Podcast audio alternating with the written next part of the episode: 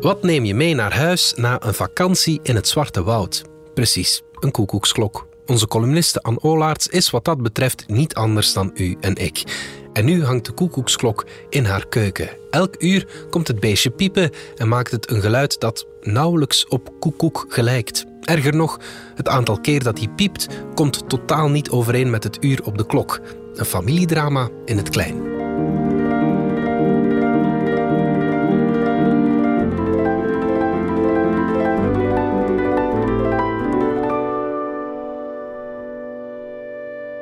De minkukel. Ja, ja, ja, ja. Made in Germany en gekocht in het Zwarte Woud. Ik weet het nog, want ik moest verschrikkelijk plassen. En die waterval maakte het alleen maar erger. Het schuim stortte 163 meter naar beneden. Op de berg woonden zwarte eekhoorntjes.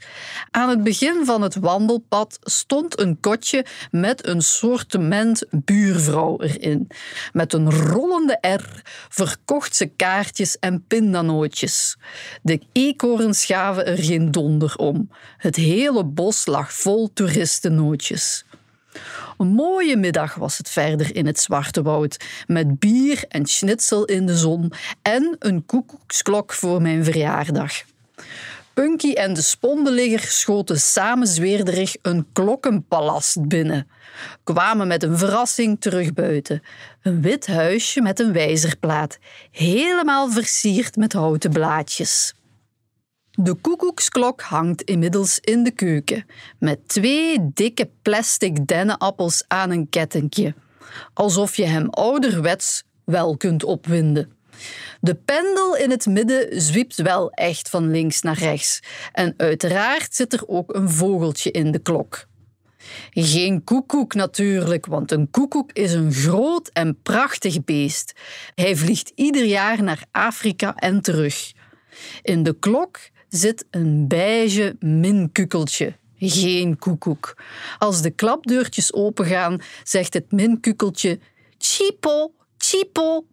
Hij kleppert met zijn staart, maakt een buiging en laat horen dat er alweer een uur voorbij is. Vraag is alleen hoe laat het precies is. Tien uur, elf uur, twaalf uur, want het minkukeltje neemt het niet zo nauw met zijn aantallen. We moeten de echo's eraf trekken, zei ik tegen de spondenligger, want hij koekoekt de hele weerklank van het zwarte woud erbij. Maar ook gedeeld door twee klopt het niet. Tien uur. Chipo, chipo. We houden ons klaar om te tellen. Eén, twee, drie. Ik knijp één oog dicht om beter te kunnen luisteren. De klapdeurtjes gaan dicht en de minkukel zit terug binnen. Heeft hij nu twintig keer gekoekoekt? Nee toch. De spondenleger twijfelt ook. Om elf uur grijpen wij opnieuw onze kans. De tweede keer doet hij zijn bekje niet meer open, merkt de spondenligger op. Ja, die koekoek moet je dus niet meetellen. Dat is de echo van het zwarte woud. Heb jij nu elf keer koekoek gehoord? Ik ook niet. Wie is hier nu eigenlijk de koekoek? Die minkukel in de klok doet maar wat. Intussen heb ik de fabrikant opgezocht. Gerold Engstler heet hij, diplom-ingenieur. Derde generatie klokkenmaker. Aan hem kan het niet liggen. Het is de schuld van zijn minkukeltje. We hebben alles al geprobeerd plus één koekoek, plus twee koekoeks, min drie koekoeks. Het is altijd mis. Oorlogzuchtig lees ik voor uit de handleiding.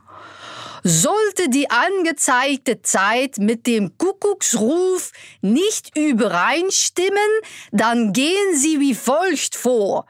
Ik vertaal even kwaad als verkeerd. Als de koekoek twee keer roept, moet de kleine wijzer tegen de richting in op twee uur. Roept de koekoek negen keer, draai de wijzer dan met de klok mee op negen uur.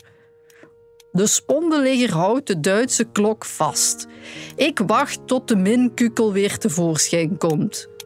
Onnozel tijdverdrijf, zeg ik u, heeft duizend en één gedaante. Zeker voor drie koekoeken in de keuken.